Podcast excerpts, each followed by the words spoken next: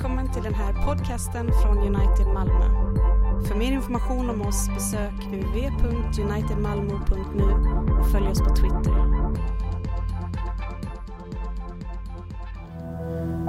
Låt oss bli stående så ska vi få lyssna till dagens predikotext ifrån Guds ord. Det är från, från psalm 95, vers 1 och framåt. Kom, låt oss höja glädjerop till Herren. Jubel till vår frälsningsklippa. Låt oss träda fram inför hans ansikte med tacksägelse. Höja jubel till honom med lovsång. Ty Herren är en stor Gud, en stor konung över alla gudar. Han har jordens djup i sin hand och bergens höjder är hans. Hans är havet, ty han har gjort det. Och det torra har hans händer format. Kom, låt oss falla ner och tillbe. Låt oss böja knä för Herren, vår skapare. Ty han är vår Gud och vi är folket i hans jord, fåren som står under hans vård. Idag, om ni hör hans röst, så förhärda inte era hjärtan som i Meriba, som på Massas dag i öknen, där era fäder frestade mig och satte mig på prov, fastän de såg mina gärningar. I 40 år väckte det släktet min avsky och jag sa, de är ett folk som far vilse med sina hjärtan. De vill inte veta av mina vägar. Så svor jag i min vrede, de ska inte komma in i min vila. Detta är Guds ord till oss. Amen. Hej på er! Kul att se er allihop. Jag har eh, varit borta i några veckor nu. Eh, och jag måste säga att jag har saknat er väldigt mycket. Eh, så det är kul att få vara tillbaka den första söndagen. Mitt namn är Claes Leverström. Jag är 23 år gammal och jag studerar teologi i Lund, där jag också bor. Och Ja, jag har haft en längtan att få predika eller att få bli pastor eh, ända sedan jag var runt 18 år. Eh, och det ledde till att jag flyttade hit till United för fyra år sedan. Blev en del av den här, av, av den här församlingen. Jag fortsätter studera nu. Jag har studerat i två år i Lund och ska påbörja mitt tredje. Så det är lite om mig. Eh, ser att det är varmt också. Skönt att en fläkt här. Jag trodde det skulle vara jättevarmt här. Men... Vad skönt. Ja, eh, min första punkt är att ikväll ska vi få lyssna till en inbjudan. Och ibland så blir jag inbjuden till olika saker. Jag vet, ja, kanske inte kan tro det, men ganska populär i alla fall. Så var på en födelsedagsfest igår till exempel. Eh, jag kan bli inbjuden till grillkvällar eller eh, spelkvällar eller något annat. Eh, bröllop till exempel. Och det blir du också. Eh, många av de här evenemangen, de blir vi inbjudna till Eh, över Facebook. Eh, och Facebook har idag, jag tyckte jag läste ungefär 1,25 miljarder eh, användare. Men den här inbjudan som jag vill dela med mig av idag, den har nått 2,25 miljarder som lever idag. Det är ungefär blir väl en tredjedel av jordens befolkning. Så det är ganska häftigt. Och det är den inbjudan som vi, vi fick läsa om i vers 1 här. Kom, låt oss jubla.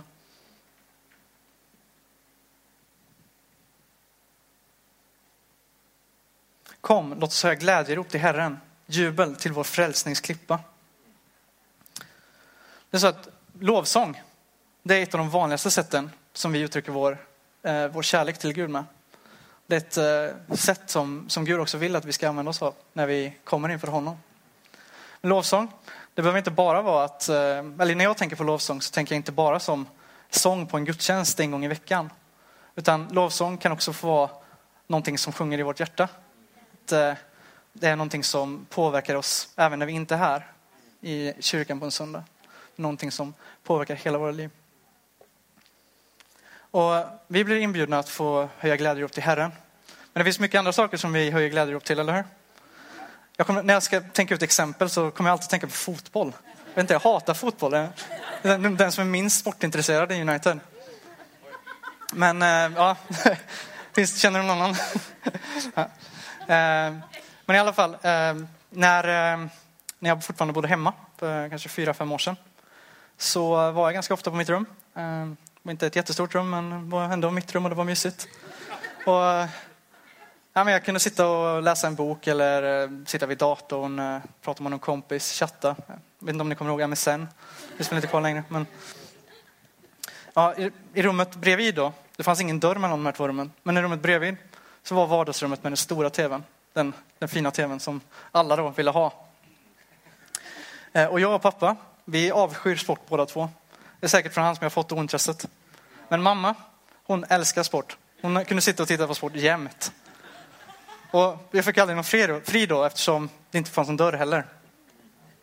Men ibland så kunde jag få, få lite ro. Jag kunde sjunka in i, sjunka in i en bok eller eh, ja, spela något spel eller lyssna på musik. Så är det något sportevenemang på tv. Så sitter man där och så bara hör man Ja! Så, så är det mamma som har suttit där och tittat på sport. Så hennes lag vunnit. Och jag sitter där med min bok, eller min film eller vad jag nu gjorde. Blir livrädd. Så jag tror att det kan ha skrämt iväg mig från, från sport. Men, men det jag vill komma till i alla fall är att vi jublar inför saker som vi gillar. Vi höjer glädjerop om. När den här salmen skrevs så var det inte så mycket fotboll som man jublade åt. Utan det som författaren hade i åtanke var att folken runt omkring, de jublade åt sina gudar. Man, för man trodde på många olika gudar vid den här tiden. Um, och de folken de jublade åt sina gudar. Så då tänker författaren att ja, men vi som tror på, vi i Israel, vi som tror på den enda guden, ska vi komma inför honom och jubla också? Komma med vår lovsång och visa han kärlek. Och han lägger till också, det är han som är vår frälsningsklippa. Det, eh, på gamla testamentets tid så, så eh, hur ska jag uttrycka det? Jo, eh, på Gamla Testamentets tid, frälsningens klippa, det var att blicka framåt på Guds löften. Att titta på vad Gud har lovat. Men du och jag, vi har ju en fördel där egentligen. För vi kan blicka tillbaka på vad Gud redan har gjort för oss. Jesus är vår frälsningsklippa.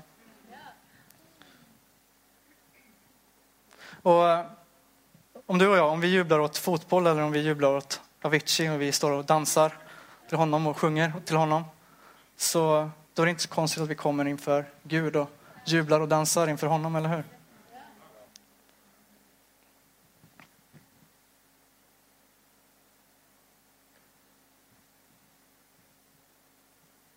Jag tycker det är så häftigt ibland när man förbereder en predikan för man vet inte, ska jag ta med det här eller ska jag ta med det här? Men så visar det sig att när jag väljer att inte ta med någonting så tar någon annan del av gudstjänsten upp den delen. Så Sara som lyfte fram Guds helighet nyss. Jag tänkte nämna några ord om Guds helighet också, men lite ur ett annat perspektiv.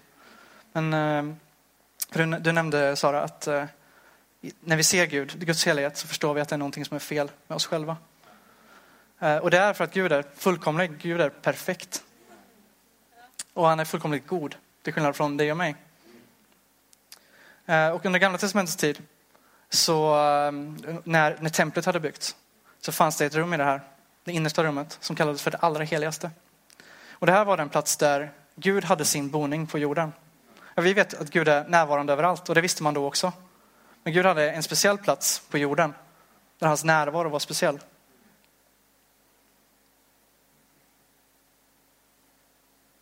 Och om man kom inför Gud på den här platsen och var oren så, så, så kunde man inte vara där. Utan det visade att man, man dog helt enkelt. Eh, och det var, det var, inte så många som gjorde det för att man visste om det här. Och översteprästen då som kom in här en gång om året, han, eh, utför, han hade vissa ritualer som han var tvungen att utföra. Men om man inte gjorde de ritualerna som gjorde han ren så, så slutade det med hans död. Men vi kan få, jag läste nog aldrig versen tror jag. Eh, det står så här, låt oss träda fram inför hans ansikte med tacksägelse höja jubel till honom med lovsång. Vi kan få träda fram inför hans ansikte. Vi kan få komma inför Gud. Och jag vill nämna några anledningar till det. Vi vet att vi kan få komma inför Gud för att Jesus en gång för alla har försonat var och en som tror på honom. Det är vårt hopp som troende. Att eh, vi kan få lita till honom, till hans gärning. Att vi som är orena har blivit rena genom Jesus blod. Att han har dött för oss. Och det betyder inte att vi har slutat synda. Men synden bestämmer inte längre vår status inför Gud. Utan det är Jesus gärningar som gör det. En till, till anledning ehm, utifrån det här med helighet är att de allra flesta breven i Nya Testamentet, de är adresserade på det här sättet. Till alla de heliga i. Och de är adresserade till troende. Så det betyder att vi kan använda nästan hela Nya Testamentet som bevis för att om vi är troende så är vi också förklarade heliga. Inte på grund av att jag har gjort någonting som förtjänar det. För det räcker med att titta på mig i någon timme så ser man att nej men Claes han är inte helig. Eh, eh, men på grund av vad Jesus har gjort så har jag och alla vi andra som tror på honom förklarats heliga. Så därför kan vi få komma inför hans ansikte.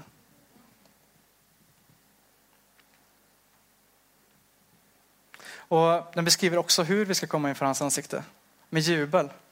Att när vi kommer inför honom så kan vi få göra det med glädje. Vi behöver inte känna någon sorts skyldighet. Åh, nu, nu har du dött för mig så nu måste jag betala tillbaka. Eller, utan nej, jag kan få komma med glädje, jag kan få komma med jubel och känna mig fri inför honom. Jag tror att Gud vill att vi ska vara lyckliga. Han uttrycker det i den här salmen så tydligt. Det finns några fler anledningar också till att, eh, förutom att han är vår frälsningsklippa, som den här författaren till salmen eh, nämner. Till Herren är en stor Gud, en stor konung över alla gudar. Eh, de här länderna som jag nämnde innan, som trodde på andra gudar, de såg Israel som en liten nation. På grund av att de var en liten nation så trodde de också att det var en liten gud.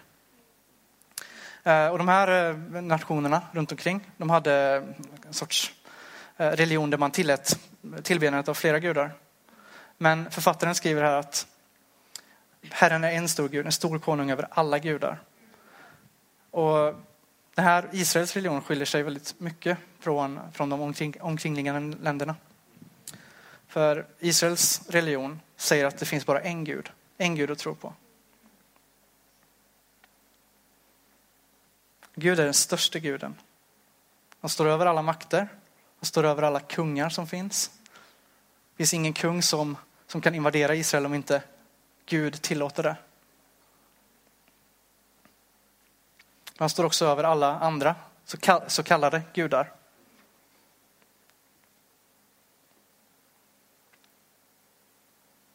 Och sen fortsätter han i vers 4 eh, och kommer börja räkna upp lite olika anledningar till att sjunga lovsång till Gud. Han har jordens djup i sin hand och bergens höjder, de är hans. Hans är havet, till han har gjort det. Och det torra har hans händer format. Gud han har makten över höga, höga berg och djupa dalar. Längst ner i de djupaste grottorna, där regerar Gud. Och högst upp på de vackraste topparna, eh, de finaste bergskedjorna, där regerar Gud också. Och han har gjort havet och allting i det. Jag är livrädd för havet.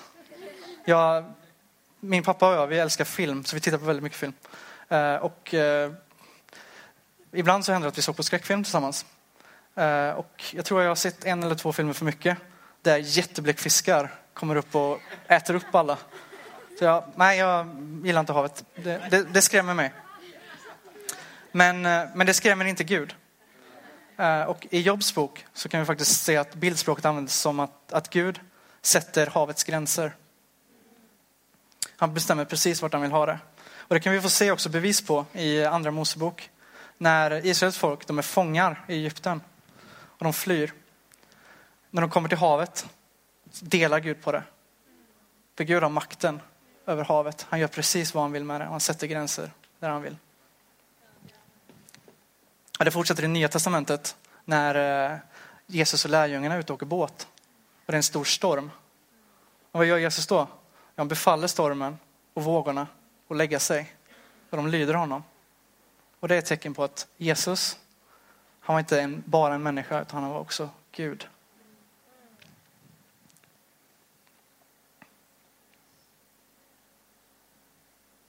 Precis som en krukmakare som formar sin lera så formar Gud jorden och allting på den.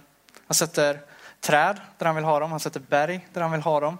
Han placerar ut blom, vackra fält med blommor. Han formar jorden precis så som man vill ha den. Och det är svårt när vi tittar ut i naturen och inte bara, och inte, äh, det är svårt att inte utbrista ett wow. Till exempel när vi sitter på Ribban eller i Västra hamnen och solen är alldeles röd när den går ner över havet. Eller när vi tittar på fullmånen en natt när det är fullt med stjärnor och helt molnfritt. Eller när eh, vi får ut och njuta av värmen. Också när den första snön har fallit. Vi kan se den ligger som ett täcke över, över jorden. Hur vackert det är. Hur otroligt det egentligen är att vi blir blöta av regn. Eller att vinden är osynlig. Den är rolig tycker jag. Vinden är osynlig. Den syns liksom inte. Den har Gud hittat på.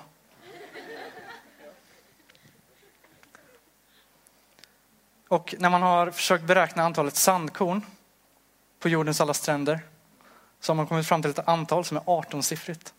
Och jag är inte så bra på matte, men jag vet att det är väldigt mycket. Eh, jag vet inte om det är någon här inne som kan räkna så mycket, men jag kan inte det. Men då finns det ändå ett antal av någonting som är mycket, så mycket större än det. Och det är antalet atomer i ett sandkorn. Det tycker jag är häftigt. Gud, han är, Gud han är verkligen den största konstnären. Och, um, om man är konstnär kan jag tänka mig att man, man använder ordet inspirerad. Eller, det använder jag ibland. Att jag säger att jag blir inspirerad till att skriva någonting eller att uh, sjunga någonting. Uh, eh, kanske du blir också. Vi blir inspirerade till olika saker. Eh, ordet inspirera eh, har en ursprungsbetydelse som är att andas in i. Och då, menar, då syftar det på att Gud aktivt andas in i någonting, kommer med lite av sig själv. Och det är också ett ord som vi använder om vår bibel, eller hur? Vi säger att Bibeln den är inspirerad av Gud. Vers 6. Kom, låt oss falla ner och tillbe. Låt oss böja knä för Herren, vår skapare. En till eh, inbjudan att tillbe. Men nu vill eh, författaren säga hur vi ska tillbe. Han säger att eh, vi ska falla på knä. Och falla på knä, det kan vara ett otroligt kraftfullt sätt att uttrycka sin vördnad på. Det, var, det är någonting som man gjorde inför kungar förr i tiden. Att när vi faller på knä så uttrycker vi att Gud, han är kung i vårt liv. Det är han som har auktoriteten. Men också överlag att använda rörelser eller eh, kroppen när vi ber kan vara, kan vara nyttigt för det funkar som en, som en påminnelse. Att eh, när, vi, när vi ber så knäpper vi händerna till exempel. När vi sjunger lovsång så kan vi räcka händerna om vi vill. Eh, och inom katolicismen så är korstecknet inte helt ovanligt. Det funkar som en påminnelse över vad Gud har gjort för oss.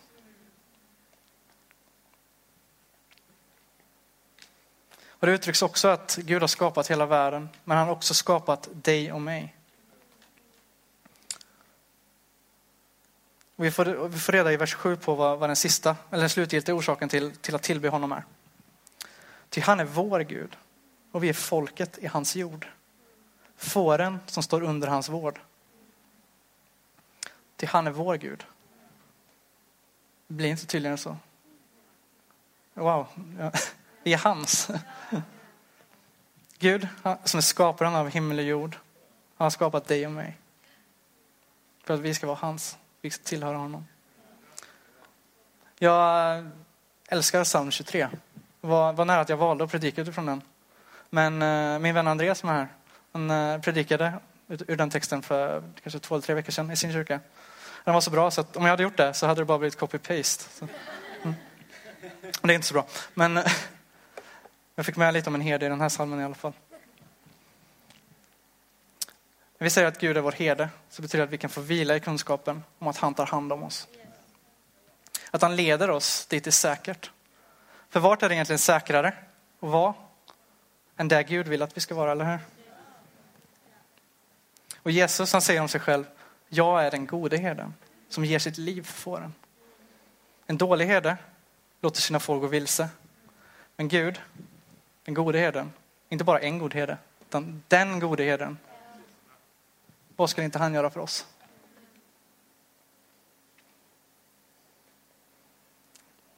Så jag har försökt beskriva nu den första delen av den här salmen eh, under rubriken En inbjudan. Att vi kan få komma inför eh, inför inför Guden som har skapat himlen och jorden, Guden som har skapat dig och mig. Som ger sitt liv för oss. Jesus, han klev upp på korset av egen fri vilja. Dog där, återuppstod tre dagar senare. Försonade dig och mig med Gud. Därför som vi kan lovsjunga honom och tillbe honom och komma med glädje. Andra delen av salmen har jag nämnt som en varning.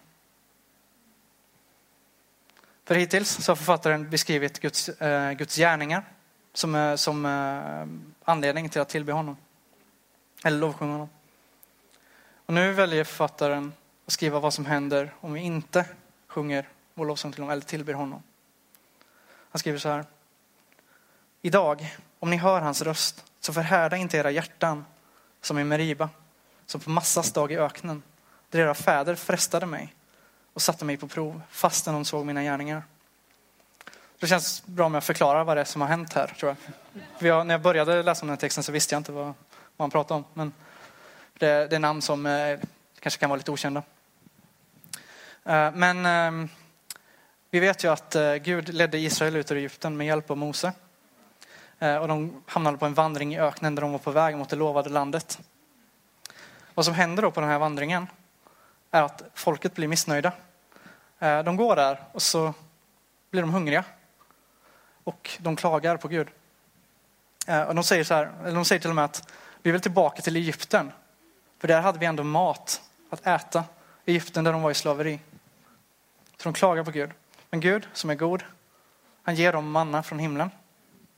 Efter det här då så eh, bryter de upp och far från läger till läger. Och så kommer de till en plats som heter Meriba eller Massa. Ja, Meriba eller Massa. Eh, jag tror det är en benämning. Jag förstod det som en benämning på samma plats. Ehm, och då börjar folket klaga igen. Nu är de inte hungriga utan nu är de törstiga. Mose bara, ah, varför klagar ni till mig? Varför sätter ni Gud på prov? Men Gud är god. Mose han sätter sin stav mot klippan och det forsar vatten ut ur den.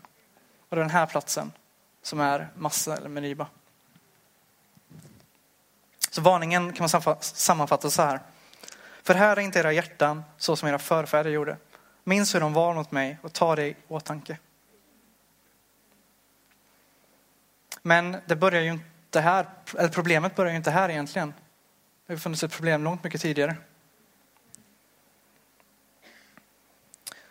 Vi vet att eh, Gud har skapat jorden. Vi vet att han eh, befaller stormarna. Han säger åt vinden, blås lite där. Och så säger han regnet, fall där. Och de lyder honom, de lyssnar, lyssnar till hans röst. Han säger eh, till vattnet, hit får du vara, men inte längre. Han säger till, ha, eller till, till bergen, här får ni resa er. Hela skapelsen lyssnar till Gud och lyder honom. Så skapar Gud människan, eh, sätter oss i Edens lustgård. Han ger oss fritt spelrum och göra precis vad vi vill. Bruka och vårda jorden. Säger, men det är en sak som ni inte får göra. Ni får inte äta. Han säger så här, du kan fritt äta av alla träden i lustgården, men av trädet med kunskap om gott och ont ska du inte äta. Till den dag du äter av det ska du döden dö. Vad gör, man, vad, vad gör människan då? Ja, det vet du, eller hur? Hela skapelsen, den lyder och förundras över Gud och hans befallningar. Så kommer vi till dig och mig. Du och jag, vi säger nej.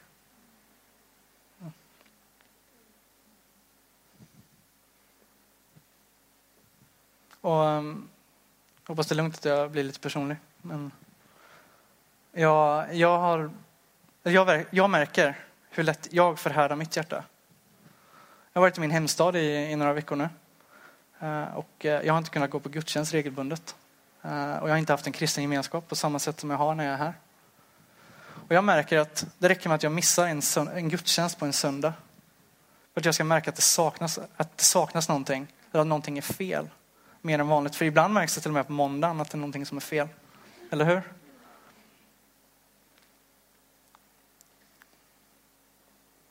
Men när jag, när jag inte blir påminn om Guds ord så märker jag att jag vill andra saker.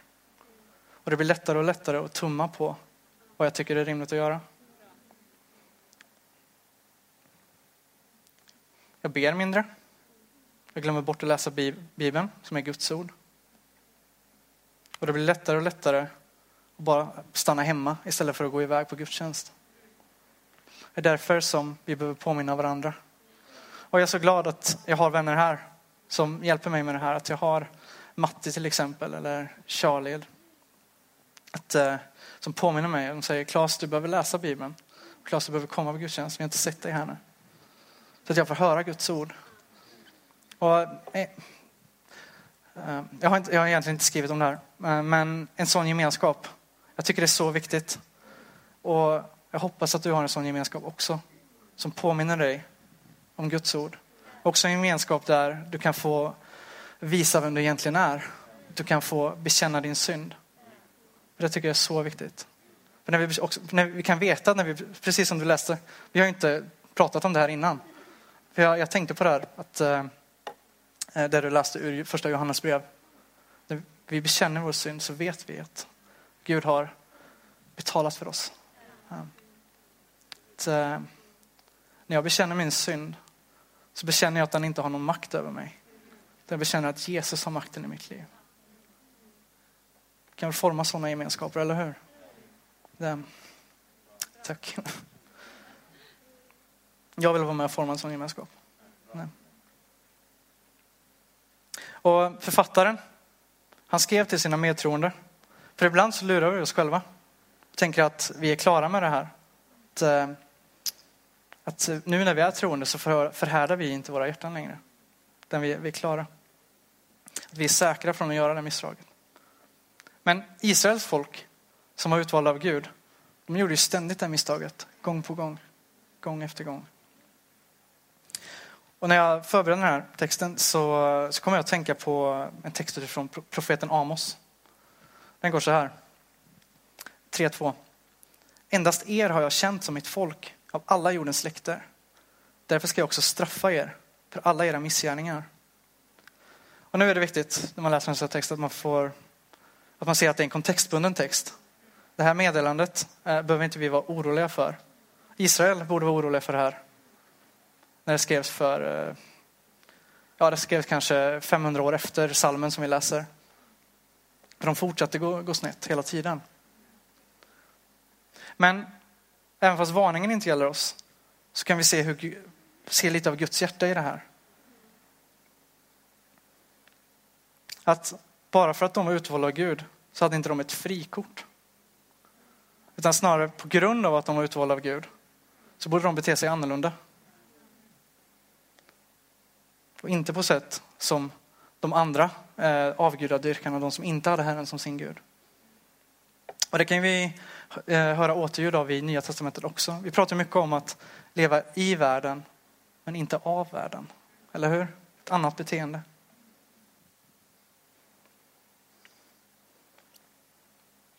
Men det är skönt att veta, för att du och jag kan veta att vi har en försonare, Jesus Kristus, som redan har betalat straffet för vår synd. Så vi behöver inte vara oroliga för varningen. Men det betyder inte att synden inte lämnar några konsekvenser. För om vi fortsätter med sista versen i psalm 95, de sista verserna, så kan vi läsa så här. I 40 år så väckte det släktet min avsky och jag sa, de är ett folk som får vilse med sina hjärtan. De vill inte veta av mina vägar. Så svor jag i min vrede, de ska inte komma in i min vila. Målet med vandringen i öknen, det var att Israel skulle få komma in i Kanans land. Det land som Gud hade lovat att de skulle få. Och det löfte som de blickade fram emot. Där de skulle kunna få ro. Men på grund av sin synd så kom de aldrig in i det här landet. De fick aldrig ron som var lovad till dem. Synden den får verkliga konsekvenser. Den leder till oro, ångest, själviskhet. Men också att vi aldrig får vila. Folket i öknet, de fick aldrig nog. De fick mat av Gud. De fick vatten. De fick aldrig nog. Du och jag, vi får aldrig nog heller, eller hur? Vi vill ständigt ha mer. Mer pengar kanske, mer kärlek, mer popularitet. Eller jag vet inte vad, vad du vill ha mer av, men jag tror att något vill du ha mer av. Vi vill ständigt ha mer, någonting som driver oss. Synden leder inte bara till ångest och oro. Vi vet också att synden leder till döden. Om vi vandrar på syndens väg så är det inte en ljus framtid som ligger framför.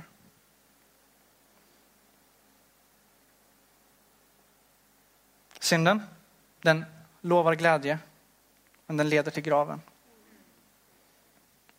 Den är alltid attraktiv innan man syndat. Men efteråt så bedrar den oss. Och om man syndat så efteråt så sitter man inte bara i klistret utan man behöver också tvivla på Guds löften. Eller hur? Älskar Gud verkligen mig? Har Jesus betalat för alla mina synder?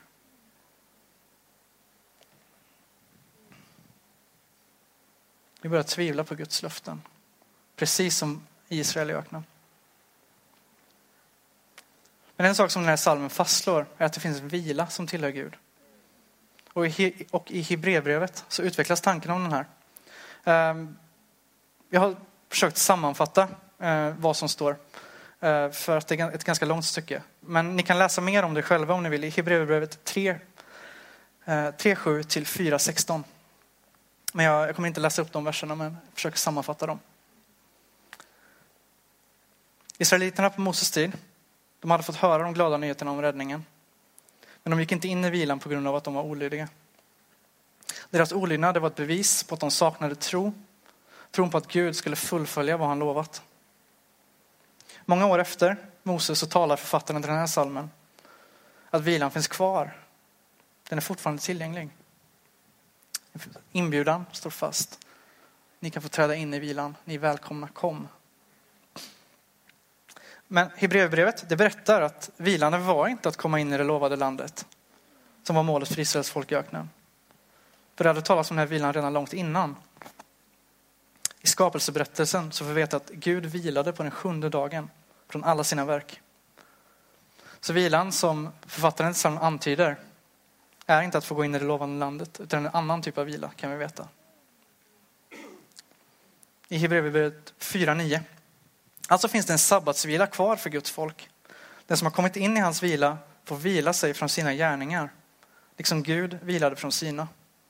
Låt oss därför ivrigt sträva efter att komma in i den vilan, så att ingen kommer på fall som dem och blir ett exempel på olydnad. Sabbatsvilan i Gamla Testamentet, den var alltid en bild. Precis som offerritualerna var en bild på det slutgiltiga offret, så var sabbatsvilan ehm, en bild på, på den vila som vi kan få genom tro på Jesus Kristus. Gud han vilade från sina skapelsegärningar. Men vilka gärningar vilar du och jag ifrån?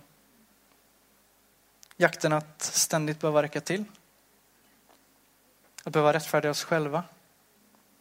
Att leva upp till världens alla förväntningar? Men kanske också jakten på att räcka upp till Gud? Vi kan få vila i Jesus genom tron på honom. Och Hebreerbrevet, det manar oss att ivrigt få komma in i den här vilan genom tro. Vi blir inte försonade med Gud genom våra gärningar. Vi blir försonade genom hans gärningar. Så det är inte genom att vi är tillräckligt goda, att vi är bättre än någon annan. Att, eh, eller att vi kommer hit på gudstjänst. Eller att vi sjunger tillsammans. Det är inget av det avgör. Vi blir försonade med Gud och får ta del av hans vila på grund av hans gärningar. Det är något som du ska ta med dig, så tycker jag det är det att det vilar inte på dina gärningar, utan det vilar på Guds gärningar, det han redan har gjort.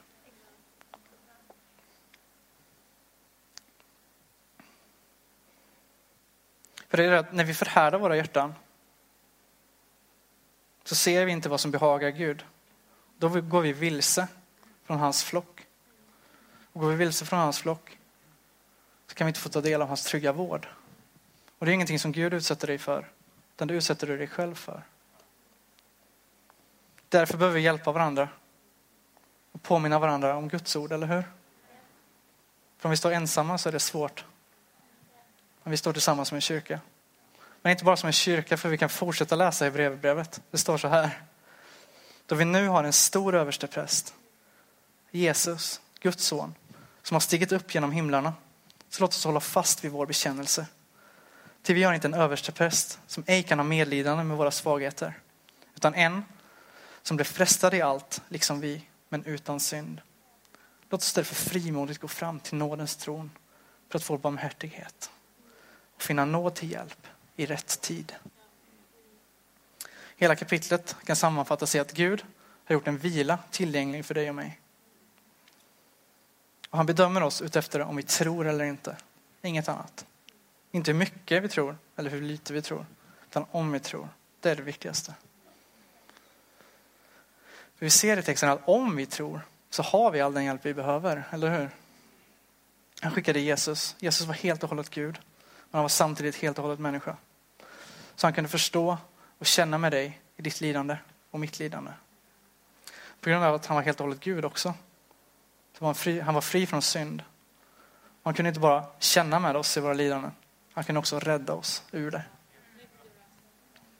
Vi kan finna nåd till hjälp i rätt tid. Och rätt tid, det tror jag är idag. Skjut inte på omvändelsen en dag till. Tänk inte att du ska göra det imorgon. Eller nästa vecka. Vad vet vi om morgondagen eller om nästa vecka ändå? Det är Gud som bestämmer där. Och om du nu kommer till nästa vecka, vad hindrar dig från att tänka samma sak då? Nej, jag omvänder mig nästa vecka. Det är idag som det är tid för det här, det är rätt tid. Vi kan frimodigt lita på de gärningar som Jesus har utfört. För de gäller dig. Du kan få tro på honom och finna vila. Jag ska avsluta nu, så jag tror musik, musikerna kan komma upp.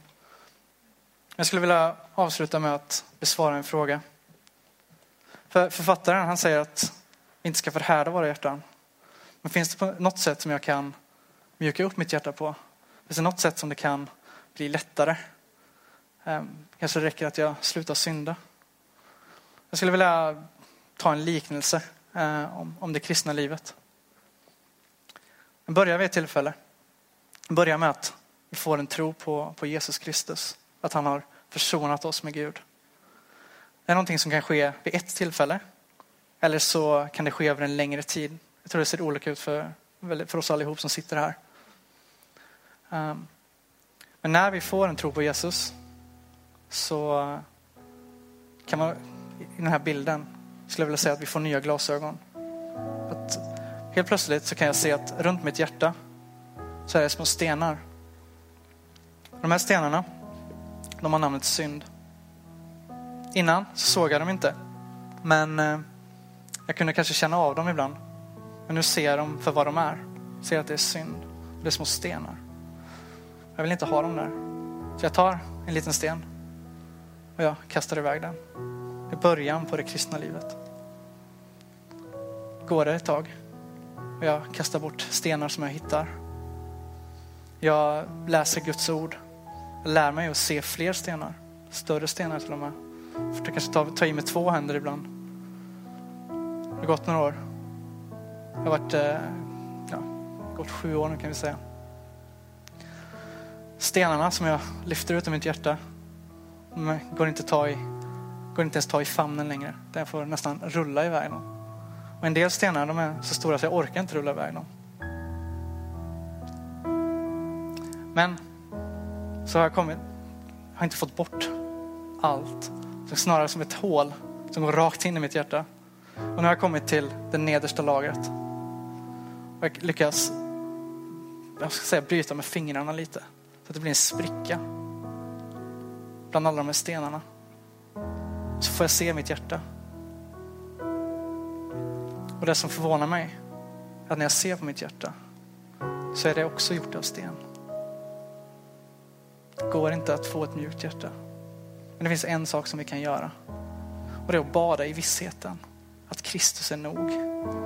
Att han har dött för oss. Han har försonat oss.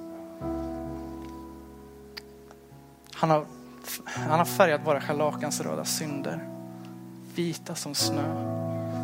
Och han har satt vår missgärning så långt ifrån oss som öst är från väst. Vi kan få lita på det Jesus har gjort. Vi kan få finna vila. Den kan vi finna idag. Tack så mycket.